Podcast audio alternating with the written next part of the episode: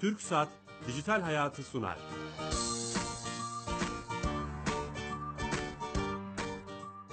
Merhaba. Kenan Bölükbaş ve Ali Fuat Gülmez'in yapımcılığını, Sedat Karabel'in teknik yönetmenliğini, Bilal Eren'in danışmanlığını yaptığı teknoloji ve sosyal medya programı Dijital Hayat başlıyor.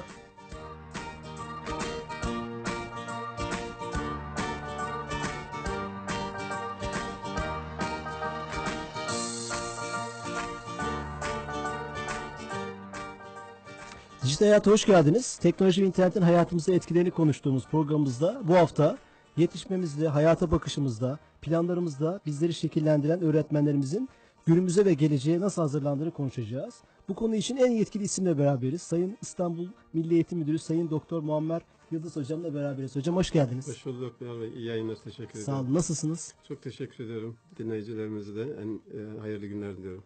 Sağ olun hocam. Şeref verdiniz. Hocam konuya geçmeden, geçmeden önce sponsorumuz TürkSat bizim. Ee, onların bünyesinde bulunan ve onların işlettiği E-Devlet Kapısı, Türkiye Gov.tr'nin bir özelliğini e, oradaki iş geliştirme direktörü arkadaşa bağlayarak anlatıyoruz. Her hafta yeni bir özelliğini anlatıyoruz. E, bu hafta da Ahmet Utku Yaran, iş geliştirme uzmanımız e, bize yeni bir özelliği anlatacak. Eğer hattaysa Ahmet Bey Evet sizi duyuyorum Bilal Bey. nasılsınız? Çok teşekkür ediyorum. Ee, öncelikle ben şahsınızda e, hem e, bu güzel programı hazırladığınız için e, hem de bize bu fırsatı verdiğiniz için tüm ekibinizi tebrik ediyorum ve e, Doktor Muammer Yıldız Bey'i ve radyo başında dinleyenlerinizi de selamlayarak başlamak istiyorum. Teşekkürler. Ee, şimdi bugün e, baktığımda yine çok isabetli bir tercih yaptığınızı görüyorum. Geleceğin öğretmenleri konusunu belirlemişsiniz. Bu yüzden biz de E-Devlet tarafında Milli Eğitim Bakanlığı ile yaptığımız çalışmalardan çok kısa bahsedeceğim. Tamam. Ee, burada biliyorsunuz E-Devlet kapımız Türkiye Gov.tr adresimiz yaklaşık 21 milyon kullanıcı sayısına ulaştı. Ve e, buradaki en popüler hizmetlerden bir tanesi de genelde e-okul olarak bildiğimiz öğrenci bilgi sistemi. Milli Eğitim Bakanlığı'nın bir hizmeti bu. Tamam. Ee, bunun dışında yine sınav yerlerinin öğrenilmesi ve sonuçlarının öğrenilmesiyle ilgili de çok e, yoğun kullanılan hizmetleri var. Önümüzdeki Nisan ayında açmayı planladığımız bir hizmetten bahsetmek istiyorum size. Ee, burada örgün eğitim, açık öğretim ve çıraklık eğitimi alanlarında Milli Eğitim Bakanlığı'nın çok büyük programları var ve bu programların milyonlarca öğrencisi var. Ee, yine bu programlardan zaman içerisinde mezun olmuş da pek çok vatandaşımız bulunuyor. Bunların e, zaman zaman kamu kurumlarına, zaman zaman da özel kurumlara e, öğrenci belgesi veya mezun durum belgeleri vermesi gerekiyor. İşte bir vasıtaya bindi, okullara gitti, kurumlara gitti, belgeyi aldı döndü. Çok zaman ve e, para kaybettiren bir durum.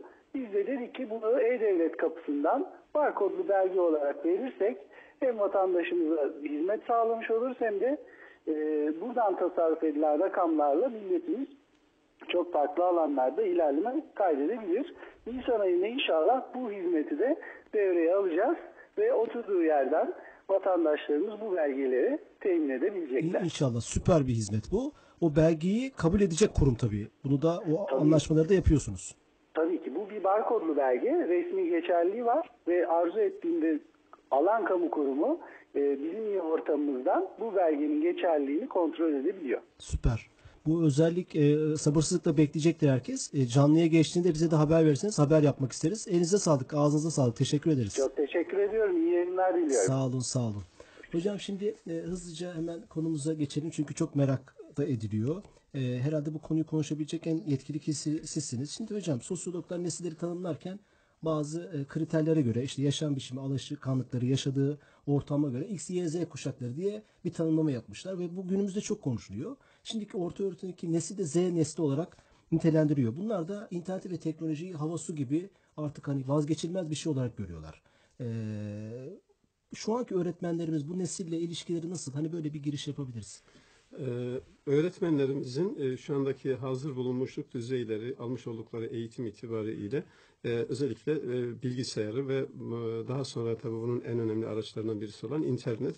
Ama günümüzü e, belki bir tanımlama olarak dijital bir çağdayız. Dijital bir dünyadayız. Zaten dijital hayattan da bahsediyoruz. E, sizin programınızın da ismi. E, dolayısıyla da böyle bir çağda, böyle bir değer içerisinde eğitimleri itibariyle e, aşağı yukarı e, belli seviyede bilgisayar, bilişim teknolojileri e, programlarını e, eğitim fakültelerimizde öğretmenlerimiz alıyorlar. Ancak bu sadece müfredat olarak e, alınan bu e, müfredattaki ders ders, derslerde sınırlı değil. Bir e, biliyorsunuz teknoloji aslında bir bireysel olarak e, kişinin bireysel gelişimini, kişisel çabasını ifade eden bir e, yanı da var. E, bu açıdan da e, öğretmenlerimiz e, kendilerini geliştirme noktasında hayatın içerisinde ve sürekli bir gayret, bir çaba içerisindeler. E, bu açıdan ben öğretmenlerimizin hazır bulunmuşluk düzeyi, psikolojik e, hazır oluş durumları itibariyle aslında bu çağın farkındalar. Ama sadece farkında olmaları yetmiyor. Biraz e, liderlikleri, kuşağındaki e, görevleri icabı gereği bir mentörlük yapıyorlar. Dolayısıyla da hedef kitleleri yani biz öğrencilerden bahsediyoruz. Öğrencilerimizin bu döneme ilişkin biraz önce sizin de vurguladığınız gibi e, hazır bulunmuşluk düzeyleri söylediğimiz bu gerekçelerden dolayı e, biraz e, bizden daha ileri. Biraz demeyelim aslında çok daha ileri bir durum ve bu belki de dünyada ilk kez olan bir şey. Ya biz eğitmemiz gereken, eğitim, eğitiminden sorumlu olduğumuz eğitimciler olarak sadece öğretmenler için değil, biz yöneticiler için de aynı şey geçerli. E, onların e, bir şey var ki onlar bizden bu konuda ile, ilerideler. Peki bu e, herhangi bir eğitimin ya da yaşamın, hayatın içerisindeki herhangi bir araçla ilgili çocuklarımız bizden daha iyi araba kullanıyor olabilirler. Mesela aynı şey değil. Dolayısıyla da eğer biz internetten, sosyal medyadan, dijital dünyadan bahsediyorsak bu bizim hayatımızda tamamen yeniden tanımlayan, değiştiren bir durumdan bahsediyoruz. O yüzden de sınıf ortamı değişiyor. Sınıf algısı değişiyor. Ders araçları değişiyor. Dersin içeriği değişiyor. Yöntemi değişiyor. Sunumu değişiyor. Değişen işte bu dünyada çocuklarımız e, biz bu bilgileri verirken e, biz biliyoruz ki onlar bizden daha ilerideler. Aslında hocam ben sormadan siz söylediniz. Roller değişiyor dediniz. Şimdi eskiden bizim hani öğretmen figürümüz şöyle. Bilgiyi bize aktaran, liderlik özelliği olan şey bir karakter. E, örnek alınacak bir karakter ama şimdi e, acaba öğretmenin rolü değişti. Mentörlük dediniz mesela. Evet. Bilgi aktarıcı rolü mü oldu? Yani bu rol nasıl? Ee, şöyle biz e, Milli Eğitim Bakanlığı'nın yapmış olduğu bir e, seri biliyorsunuz değişiklikler içerisinde en başta e, ben o dönemde de bakanlıkta talim terbiyede görevim sırasında e, bir zihniyet değişikliği olan müfredat değişikliğiyle başlamıştık. Yani daha e, çağın temel değerleriyle oluşan yöntem olarak da çocuklarımızın daha yapılandırmacı dediğimiz merkezinde öğrencinin olduğu mesela öğrenci merkezli bir müfredattan bahsettik ve bütün biz programlarımızı okul öncesinden liseye kadar değiştirdik. Bunun değişen müfredata uygun olarak ders kitapları değişiyor, eğitim araçları değişiyor. Dediğim gibi sınıf olgusu, sınıf artık sınıf yönetimi değişiyor. E, bütün bu değişimler içerisinde ana öge olarak biz e, fark ettik ki asıl aktör e, burada öğretmendir. Yani dünyanın en iyi müfredatını da geliştirseniz, ortaya koysanız, ders araç gereçleriniz, ders kitaplarınızı, textbooklarınız, elinizde materyal olarak ne varsa ama asıl olan buradaki öğretmenin rolüdür. Dolayısıyla biz evet, eğitim yani. eğitim çıktısı olarak ana e, omurga hala öğretmenin üzerindedir. Biz bu programı ve öğrenci merkezli olarak tanımlamamızın temel gerekçesi öğrenciyi dikkate alan, insan odaklı dediğimiz temel e, toplumsal değerler bağlamında yaklaşımın e, eğitim süreçlerine uygulaması öğrenciyi daha merkeze alan. Ben bunu bir matematikçi olarak bir program e, daha önce de programlar konusunda öğretme merkezi değil öğrenci merkezi. Öğrenci merkezli. Şimdi biraz önce sizin söylediğiniz geleneksel bizim öğrenme e, yöntemimizde, öğretme sistemimizde e, temel rol öğretmendi. Öğretmen her şeyi bilen ve her şeyi de öğrenciye aktaran konumdaydı. Bu biraz da tabii o yöntemle de alakalı bir şey. Biraz o yüzden biz bugünle geçmişi karşılaştırırken eski yeni böyle bu kadar radikal bir geçiş yapmayalım ama neticede o dönemde de bizim çok iyi e, birikimimiz, tecrübemiz oldu. Ama bu yeni yaklaşımda şunu diyoruz. Öğretmenin rolü artık mentörlüktür, liderliktir, yol göstericidir. Yol gösterici. E, birinci derecede sürece bizim öğrenciyi dahil etmemiz gerekiyor. Biz bunu e, öğretmenlerimizle e, paylaştığımız zaman e, bazen e, hani mefhumu muhalifinden şöyle bir soru da e, peki o zaman bizim rolümüz ne olur? Bu müfredat, yeni sistem, öğrenci merkezli ise, merkezinde öğrenci varsa biz neredeyiz? Ben bunu e, çember modeli ile daire modeliyle açıklıyoruz. Nasıl Şimdi hocam? şöyle çember düşününüz. Çemberin merkezinde hani Me- Mevlana metaforunda olduğu gibi biliyorsun birçok şeye imkan sunuyor bu. E, pergelin ana ayağı o iğnesinin battığı yeri düşününüz. Şimdi burada öğretmen duruyor. Biraz önce tanımladığımız gibi. Peki öğrenci nerede? E, bir arka arkaya işte sıra sınıf düzenini düşünün ama ben bunu daire modeli üzerinde çemberin üzerine yerleştiriyorum çocukları. Tasavvur olarak düşün. Öğretmen İğnenin merkez- batmadığı her yer. Her yer. Batmadığı her yer değil. Bakınız tamamen diğer kalemin çizmiş olduğu çemberin üzerinde. Hmm, o çemberin üzerinde bir e, o circle'ı, daireyi tamamladığını düşün. Ee, öğrenci bu öğretmen merkezde ve her şey onun o dairenin içerisindeki bütün alan kendisine ait. Her şeyi kendisi yapıyor. e, her şeyi kendisi anlatıyor. E, bilgi onun onun tek elinde bir anlamda ansiklopedik bir bilgi zaten öğretmenin vasıtasıyla öğrenciye ulaşıyor. Yeni modelde yine aynı çember modelini düşünelim ama bu kez öğretmen yine merkezde fakat e, çemberin üzerindeki çocuklar yavaş yavaş artık dairenin içerisine doğru hareket etmeye başlıyor. Yani merkeze doğru. Böylece daire modeline dönüşüyor. Çemberin biliyorsun içi dolu değildir. Yani çemberle daire arasındaki fark içinin dolu olması. İşte yeni modelde yine öğretmen merkezil bir roldedir. Ama öğrenciler hareket etmeye başlamışlardır ama mesela kendisine ifade eden daha cesaretli ve bu manada çocuklarının sınıf yönetimi bir kaygısı olmayan bilgi paylaşımında çocuklara daha söz fazla e, işbirliğine dair yöntemlerle grup çalışmalar rol veren öğretmen merkezden kendisi çıkıyor. Oraya artık öğrenci yerleştiriyor ve artık bu sürecin her tarafında kendisi dolaşabiliyor. Amacı çocuklar yapsınlar, e, yaparak, yaşayarak ama sürecin sonucunda çocuklar kendileri bunu tecrübe olarak öğrenmiş olacaklar. E, biz bunu temelde şöyle ifade ediyoruz. Geçmişteki bizim bu biraz da çağın getirmiş olduğu bir değerdir. Bilgilerimiz daha çok ansiklopedikti. Dolayısıyla bunun için bir aracı gerekiyordu. Ama bugünün dünyasında artık böyle bir aktarma ihtiyaç yoktur. Google, Her yerde zaten Google denen bir merce vardır. Mesela Google'a girip herhangi bir tarama yaptığınız zaman daha kelimeyi yaza, yazma, yazdığınız zaman size ne yazacağınızı da bunu mu demek istiyorsunuz şeklinde yani sizi e, daha bırakmıyor ki kendi kelimenizi yazın. Yönlendiriyor.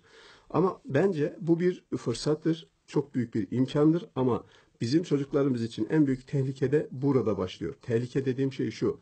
Ee, çocuk evet böyle bir mecrada bilgiyi taratıyor ama bu bilginin doğruluğu, sahiciliği ve mesela herhangi bir kelime eğitim deyin size binlerce sayfa getirsin, doküman getirsin. Ne bileyim adam deyin, insan deyin, işte kafa deyin. Ne derse aklına gelirse bir şey yaz.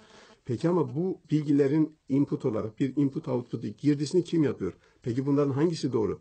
Bunlar arasında bir çelişki var mı? Tenakuz var mı? Peki ben buradan bir so- sonuç çıkaracaksam burada nasıl bir yöntemle faydalanmam lazım? O zaman bizim eğitim sistemimizin temel rolü burada devreye giriyor.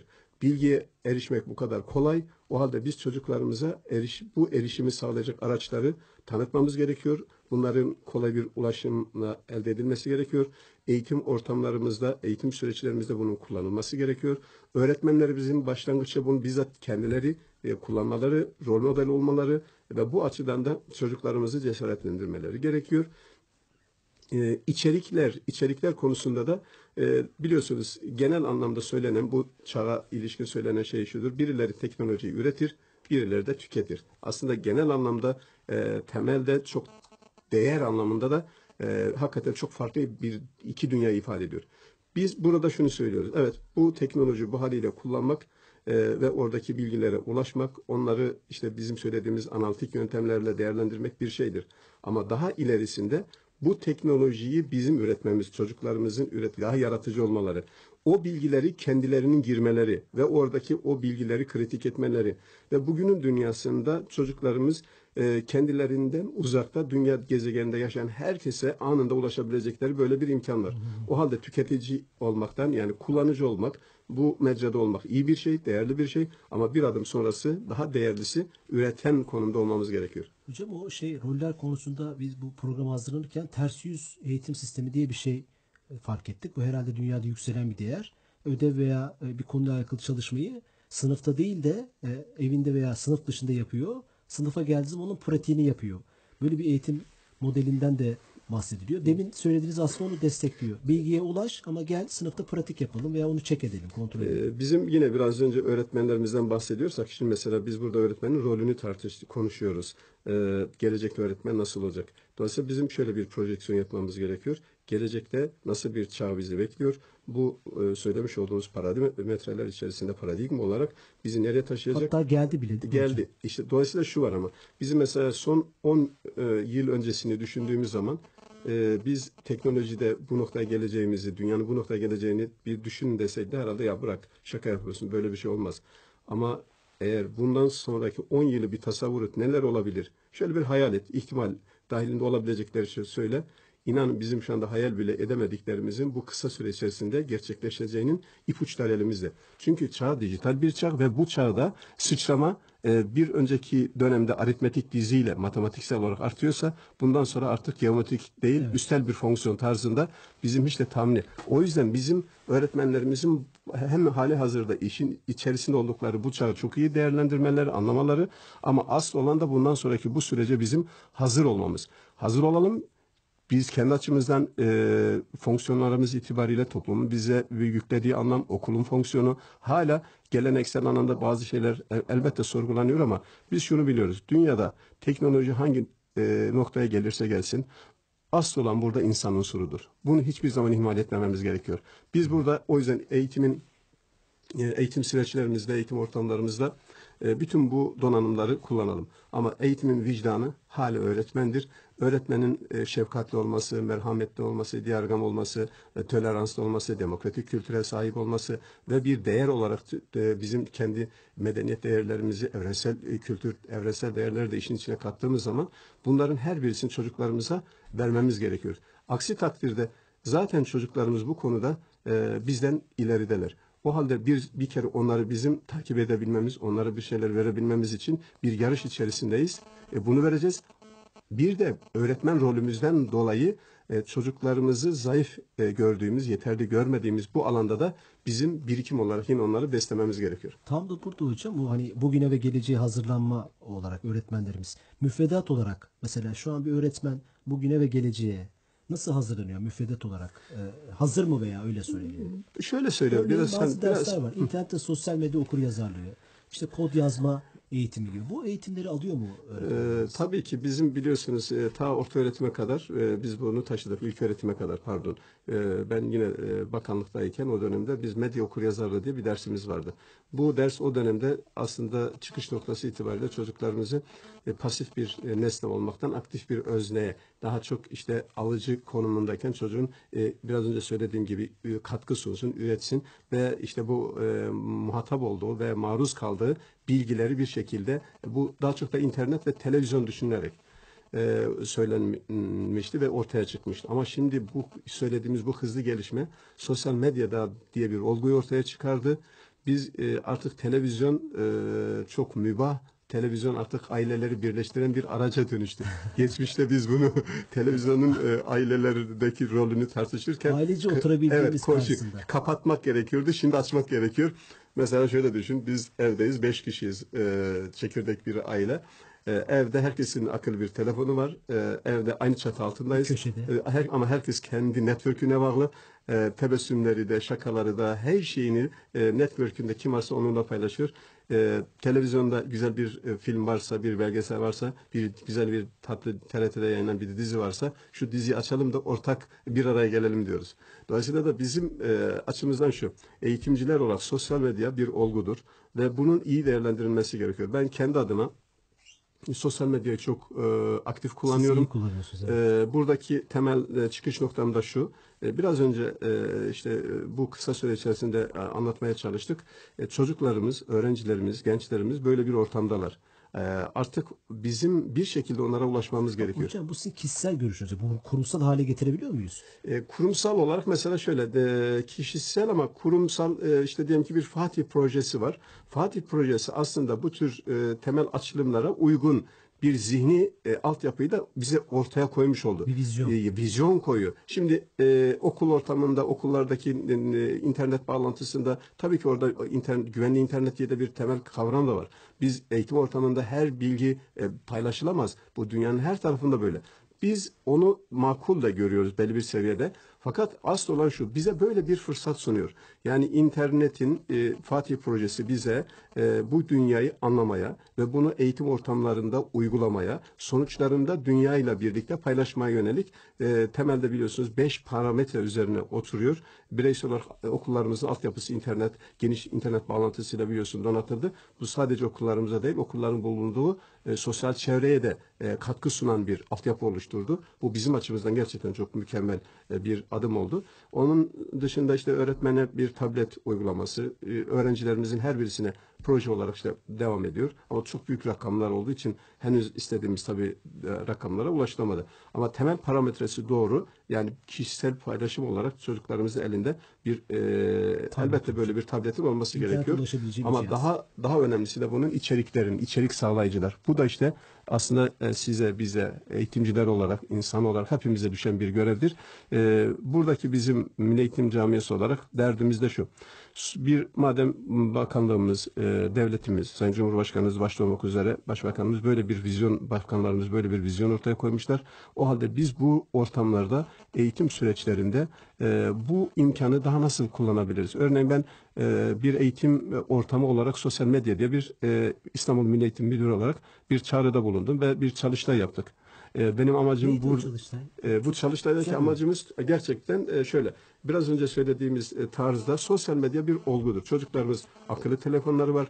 Bizim okuldaki internet üzerinden değil tamamen kendi kişisel internetleri daima zaten sürekli açık. Zaten onun kapanması demek onların neredeyse hayat damarları Evet, aynen. kuruması demektir. Bu kadar refleks e, bağlılar. O halde biz diyoruz ki çocuklarımız yeni eğitim sistemimizde temelde çocuklarımızı okul içerisinde bu imkanları nasıl e, bir eğitim ortamında bundan faydalanabiliriz? Bir. İkincisi e, çocuklarımızın zamanı daha çok okul dışında geçen zamanlarına ilişkin e, ne yapabiliriz de bu sosyal medya üzerinden çocuklarımızla birlikte zaman geçirebiliriz. Benim açımdan değerli olan bu. Çünkü çocuklarımızın bulundukları yerlerde eğer eğitim içeriği olarak bir sağlayıcı olarak bir araç olarak onlara bu tür doneler verdiğimiz zaman onlar bizimle birlikte oluyorlar ve çok değerli bir ürüne de dönüşüyor. Hemen burada bir şey sorabilir Burada hemen Bilal Bey unutmadan biz mesela bu e, dün biliyorsun e, sınav sonuçları açıklandı. Evet, E, YGS sınav sonuçları biz bir üniversiteyle birlikte işbirliği yaptık ve YGS e, sınav sorularını e, akıllı telefonlarından çocuklarımızın e, çözerek bir oyun, bir galaksi e, oyun teorisi üzerinde. Tabii ona da mesela işbirliği yaptık. E, amacımız neydi? Amacımız İstanbul koşullarında çocuklar bir yerden bir yere intikal ederken e, bir rekabet içerisindeler. Daha fazla çalışması gerekiyor. Ona bir fırsat sunuyoruz. Diyoruz ki eğer oynamak istiyorsan e, bu mecra tabii e, diyelim ki metroda giderken orada açıp e, böyle basılı bir materyalden çalışmaktansa bununla çalışabilirsin. İşte Nerede bu ulaşabiliriz bu oyuna? e, internette var çocuklar e, manya e, YGS manya diye e, tarasınlar. YGS Manya diye akıllı telefonda Tabii, tabii. bir uygulama. Tabii tabii. Mesela bu E, haberlik bu, bu, bir şey, bu, bu bir şey. İşte yani benim temelde buradaki a, a, çabam, arayışım şu. Bir mecra olarak sosyal medya bir olgu olarak bizim eğitim süreçlerinde öğretmenimiz, öğrencimiz, yönetici olarak bizler nasıl kullanabiliriz? Bunun dedim ki temel bir gerekçesi var. Bir, çocuklar neredeyse bizim orada olmamız gerekiyor. Öğretmen olarak, e, yönetici olarak, idareci olarak bizim orada olmamız lazım. Çocuklarla buluşmamız gerekiyor. Bir. ikincisi de benim bir başka rolümü de bir öğretmen kimliğimle bunu söylüyorum. Ama bir de İstanbul Milli Eğitim Müdürü olarak bir idareciyiz, yöneticiyiz. Bu temel bir değer olarak yöneticiyi e, herkesin istediği zaman yöneticiye e, ulaşabilir olması gerekiyor. İşte ben Twitter'ı çok aktif kullanıyorum sosyal medya e, aracı olarak E, ve Twitter hesabım üzerinden bize ulaşan her türlü talep, her türlü soruna Biz şahidiz. biz, biz e, ulaşıyoruz, o sorunları çözüyoruz. Şöyle bir bizim temelde e, prensibimiz ya da sloganımız vardı. 7 gün 24 saat İstanbul koşullarında e, hakikaten büyük bir camiayız, koşturuyoruz. Yine de zaman yetmiyor. Ama sosyal medya bize bu imkanı veriyor. Ben gece 11'de 12'de eve gittiğim zaman e, hesabımı kontrol ediyorum. O gün bana gelen sorulara cevaplar veriyorum. İlçe Milli Eğitim Müdürünü ilgilendiriyorsa arkadaşımla görüşüyorum. E, ben e, yatmaya hazırlanırken en son e, hatta yata, yatarken oraya sorular akmaya başlıyor. Bizzat siz mi kullanıyorsunuz? E, ben evet o, o tarafı da öyle. Ben bizzat kendim kullanıyorum. çok önemli. E, bütün tweetlerime kendim cevap veriyorum. E, kurumsal anlamda ayrıca bizim bir hesabımız var. E, bu açıdan bunu e, çok değerli buluyorum. Öğretmenlerimizin de bunu hatta bir espri olarak şunu söylüyorum. Geçen bir kar tatili e, olayı yaşadık biliyorsunuz. E, orada e, çocuklar e, bizden e, tatil etmesini istiyorlar. Bir tarafta Bali Bey'e bir tarafta bize. E, Sonra e, biz e, karla ilgili karar vereceğimiz süreçte baktım çocuklar e, çok e, tabii e, bulundukları e, koşulları dile getiriyorlar ama ben şöyle bir çağrıda bulundum. Dedim ki bulunduğunuz yerlerden bana dedim bir tweet atın. Fotoğraflarla E, mı? Evet fotoğraflarla. Ha, tamam. E, bir anda bizim ekran böyle Sibirya'ya döndü. o güzel bir etkileşim. Ama ama şudur. Ben mesela şunun da farkındayım. Ee, Bunu bir espri olarak söylüyorum. Gerçekten onların Sibirya'dan bir fotoğraf mı? E, Ben Pendik dediği şeyin e, Sarıkamış'tan mı ya da Erzurum'dan mı? e, Kayseri'den mi? Nereden geldiğini Nereden ya espri olarak söylüyorum. Bunu buna da açığız. Yani bulunduğumuz mecranın böyle bir tarafı da var. Yine böyle bir e, öğrencilerle teyitleştiğimiz sırada birisi e, böyle e, biraz işte yine bu kar tatili e, muhabbeti vardı. E, ben bir gün önceden kar tatili kararını verince çocuklar dedim kitap oku. Birer kitap okuyun. Vali Bey dedi işte ders çalışırsın. Ben dedim kar topu oynarsınız. Çocuklar ya hangi birini yapalım falan diye böyle bizim espri yapıyorlar. Sonra ertesi günü tekrar çocuklarla bir araya gelince dedim ki kim kitap okuyor? Kim dün verdiğim kitapları kim okudu? Ben dedim kararımı gözden geçireceğim. Twitter'dan. Twitter'dan yapıyorum. Parmak kaldırsın diyorum. Bir anda inanır mısınız orada çocuklar okudukları kitaplar, kütüphanelerinde var olan biz hangi kitap okuyacağız, niçin kitap önerildi öğretmen kendisine. Bir 45 dakika bir sınıfta bir ders e, sırasında edebiyat öğretmeninin, Türkçe öğretmenimizin yapacağı e, kitap kritiğini biz e, 37 bin takipçimle beraber çocuklar, üstelik kendileri yaptılar bunu. E, ben işte bunu önemsiyorum. Yani sosyal medyayı biz e, çocuklarımızla birlikte üstelik yani onları sürece katarak, onları sürece dahil ederek e, daha değerli... Hocam bu programın seri ikisini yapmamız lazım. Çok güzel örnekler var. Ayağınıza sağlık bu yoğun gündemde geldiniz. Teşekkür ederiz. Hafta dijital hayatta buluşacağız. Tekrar hoşçakalın.